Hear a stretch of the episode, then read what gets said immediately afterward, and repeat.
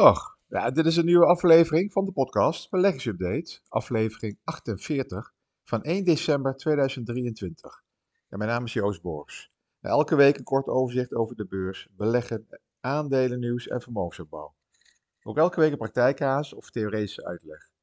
En deze week iets meer over de marktvisies van Nederlandse vermogensbeheerders.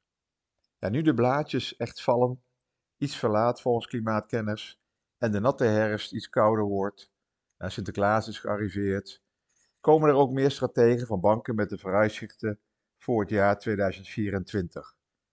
Eigenlijk niks schokkends, geen hele grote veranderingen of uh, waarvan je denkt van wow, dat is helemaal uh, nieuw, dat is, uh, we gaan iets heel anders doen. Maar ja, en de jaarvisie wordt tussentijds natuurlijk ook vaak aangepast aan veranderde omstandigheden. Nou, ik heb twee weken geleden mijn eigen portefeuille ook iets defensiever gemaakt door een percentage aandelen te verschuiven naar langlopende obligaties. Dit uh, via beleggingsfondsen en indextrekkers. Nou, inspelen eigenlijk op uh, gelijkblijvende en iets dalende rente komende jaar. Daar kunnen dan langlopende obligaties van profiteren, omdat ze dan in koers gaan uh, stijgen. Nou, ik zal een paar van die strategen doornemen, heel beknopt. Alleen eigenlijk de headlines. De eerste is van de ABN AMRO Bank. En uh, elke keer uh, ja, citeer ik eigenlijk de, de strateeg. En dan, het is niet dat ik dan iets denk, maar het is altijd de strateeg van de bank. Hè? Dus dan schrijven ze het volgende bij ABN. Wij denken dat het huidige rentebeleid snel zal draaien. Mede doordat de wereldeconomie verder zal verzwakken.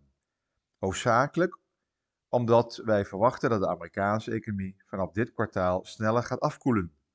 Hoewel wij geen Amerikaanse recessie voorzien, denken wij wel dat de Amerikaanse Centrale Bank en de Europese Centrale Bank al in maart hun beleidsrentes naar beneden zullen aanpassen. Hierin zijn wij optimistischer dan de markt. Voor wat betreft aandelen is het cijferseizoen redelijk van start gegaan. Het is vooral positief dat de aankomende kwartalen aanhoudend winstherstel wordt verwacht. Daarnaast lijken marges te stabiliseren op hoge niveaus. Tevens is het eind van het jaar vaak een sterke beursperiode en loopt dit in de pas met de presidentiële cyclus en kunnen aandelen inkoopprogramma's de markt verder steun geven. Deze positieve zaken bieden kansen als de eerder genoemde risico's wat naar de achtergrond verdwijnen. Kortom, de risico's en kansen afwegend, houden wij vast aan een neutrale visie op aandelen. In de obligatieportefeuille zien we op basis van onze rentevisie echter wel wat kansen en verhogen we de rentegevoeligheid. Hierdoor wordt de algehele looptijd van de obligatieportefeuille langer en zal die extra profiteren als de rente daalt. Oké, dus ABN gaat uit van een lichte recessie en ziet kansen voor langlopende obligaties en heeft een neutrale visie op aandelen. Op zich is dat uh, redelijk uh, normaal. Dus die uh, totale neutrale portefeuille blijft gehandhaafd, maar binnen kan je accent gaan aangeven, omdat het obligatiedeel wat verschuift van middellang of kort naar lang. Oké, nu een stuk van de ING-strategie. Zoals je kunt lezen in onze verwachtingen over 2024, gaan we ervan uit dat de economieën van de Verenigde Staten en de eurozone in 2024 slechts beperkt zullen groeien. De lang verwachte recessie in de Verenigde Staten, die voor veel economen al sinds de zomer van 2022 wordt voorspeld, lijkt er dan toch echt te gaan komen in de eerste helft van volgend jaar. Ook breekt er een spannend verkiezingsjaar aan in de Verenigde Staten. Zoals het er nu naar uitziet, gaat president uh, Biden het opnieuw opnemen tegen oud-president Trump. In aanloop naar de vele niet voor mogelijk gehouden winst van Trump zeven jaar geleden, waren veel economische en politieke analisten bevreesd voor de mogelijke gevolgen van de overwinning van Trump. Uiteindelijk sloot de Amerikaanse beurs flink hoger op de dag na de verkiezing en steeg ook in de jaren daarna. Ja, de kans is groot dat de financiële markten door geopolitieke spanningen en in aanloop naar de verkiezingen bewegelijk zullen zijn. Maar speculeren op een mogelijke uitkomst vinden we als ING zijn niet verstandig.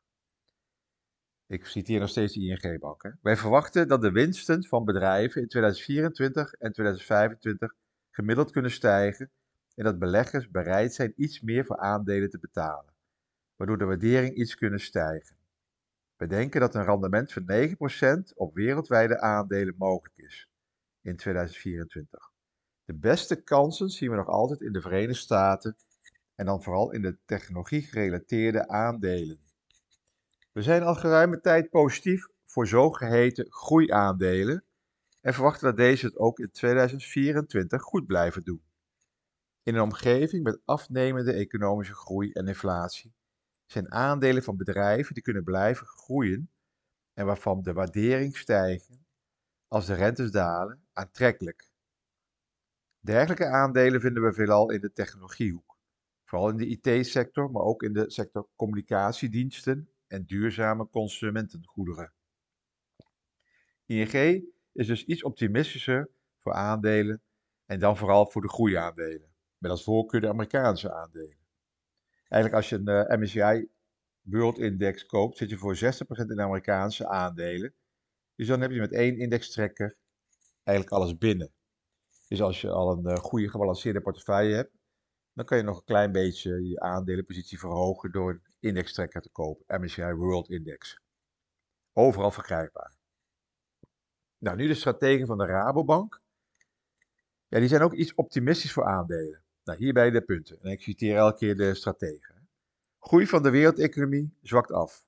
De Verenigde Staten blijft sterk, maar ook daar zien we tekenen van afkoeling. We verwachten voor zowel de Verenigde Staten als Europa een milde recessie. Wereldwijd blijft de, blijft de economie groeien en er blijft ruimte voor winstgroei bij bedrijven. De inflatie blijft langzaam dalen. Rentes hoeven niet meer verder te worden verhoogd. Het beeld voor aandelen is niet ongunstig. De koersen zijn wat gedaald in verhouding tot de winsten, die naar verwachting zullen gaan stijgen in 2024. Obligaties bieden hoge rente en perspectief op koerswinst als de rentes gaan dalen. Ja, reden voor ons om vast te houden aan een neutrale weging voor aandelen en obligaties. Met in de komende tijd een afnemende inflatie, een lagere groei en een einde aan het verkrappende beleid van centrale bankiers, zien we nog steeds voldoende redenen voor een neutrale weging van aandelen en obligaties. We verwachten een beheersbare groeivertraging van de wereldeconomie, waarbij de winsten van bedrijven kunnen blijven stijgen. En de waarderingen van aandelen en obligaties zijn volgens ons in balans. Wereldwijd zijn analisten voorzichtig aan het worden. De laatste tijd zien wij dat ze hun winsttaxaties naar verhouding vaker naar beneden bijstellen. Toch blijft de verwachting voor de winstgroei in 2024 relatief hoog, ruim 10%. Ook is de aandelenwaardering recent gezakt. Met een dividend van ruim 2% is het rendementsperspectief voor aandelen nog steeds gunstig.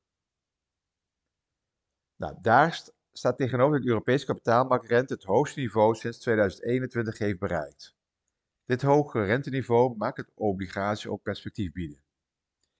Oké, dat was de Rabobank. Dan zie je dat de Rabobank eigenlijk ook een beetje uh, in de richting van de ING-bank zit. Hè? En de ABN schuift er ook een beetje bij. Dus eigenlijk, uh, wat ik zei van, ze verschillen allemaal niet zoveel van elkaar. Blijven allemaal toch een beetje uh, voorkeur houden voor Amerikaanse aandelen. En zien inderdaad wat kansen in obligaties. En vooral de wat langlopende obligaties. Nou, van een, ik heb ook een buitenlandse zakenbank, Morgan Stanley. Heb ik een kort overzicht. In 2023 presteerden de aandelenmarkten sterk toen ze herstelden van de recessievrees, die op dieptepunt van oktober 2021 inleidde. En bleken ze veerkrachtiger dan analisten hadden verwacht. In 2024 wordt echter waarschijnlijk een verhaal van twee helften, waarbij een voorzichtige eerste helft plaatsmaakt voor een sterkere prestatie in de tweede helft van het jaar 2024. Nou, voor de eerste helft van 2024 raden strategen beleggers aan geduldig en selectief te blijven. De risico's voor de wereldwijde groei, gedreven door het monetaire beleid, blijven hoog. En de tegenwind voor de winsten kan tot begin 2024 aanhouden voordat het, herstel doorzet. Wereldwijde aandelen beginnen doorgaans uh, ja, wat, wat uh, goed te lopen in de drie maanden voorafgaand aan een nieuwe ronde van monetaire versoepeling. Omdat risicovolle activa een trage groei beginnen in te prijzen. Als de centrale banken op koers blijven om in juni 2024 te beginnen met het verlagen van de rentes, kunnen wereldwijde aandelen, ja, eigenlijk die begin het jaar een daling van hun waardering hebben gezien, het dan weer wat beter gaan doen.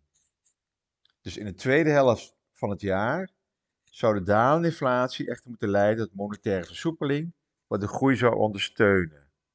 Wij denken dat de onzekerheid op korte termijn plaats zal maken voor een uh, comeback in Amerikaanse aandelen, volgens Morgan Stanley. En verwachten dat de winstgroei tot 2025 robuust zal blijven. Positieve operationele hefboomwerking en productiviteitsgroei door kunstmatige intelligentie zouden moeten leiden tot margeuitbreiding. Het hele jaar door moet echter een paar constanten zijn. Over het algemeen zullen Amerikaanse aandelen waarschijnlijk een redelijk rendement en beter resultaten opleveren dan Europese aandelen of aandelen uit de opkomende markten.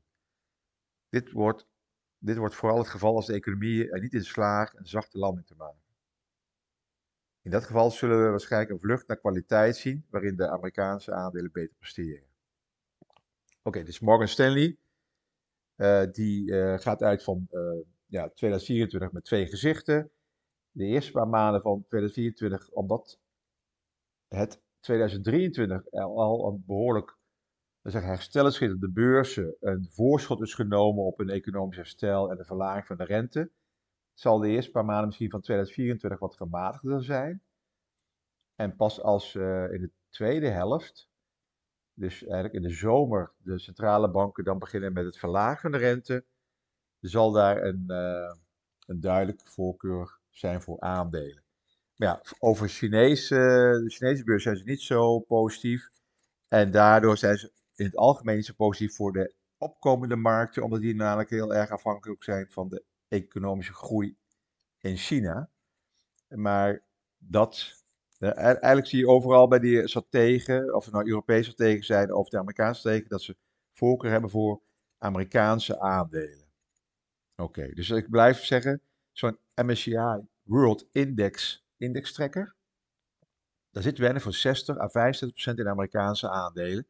En voor de rest gespreid verder over de rest van de wereld, met Europa, Engeland en dan een beetje China en Japan. Dus dan heb je gewoon een goede mix te pakken. Nou, kijk maar wat je doet en uh, lees vooral deze decemberweken uh, die gaan komen wat meer van deze strategische verhalen of van je eigen bank.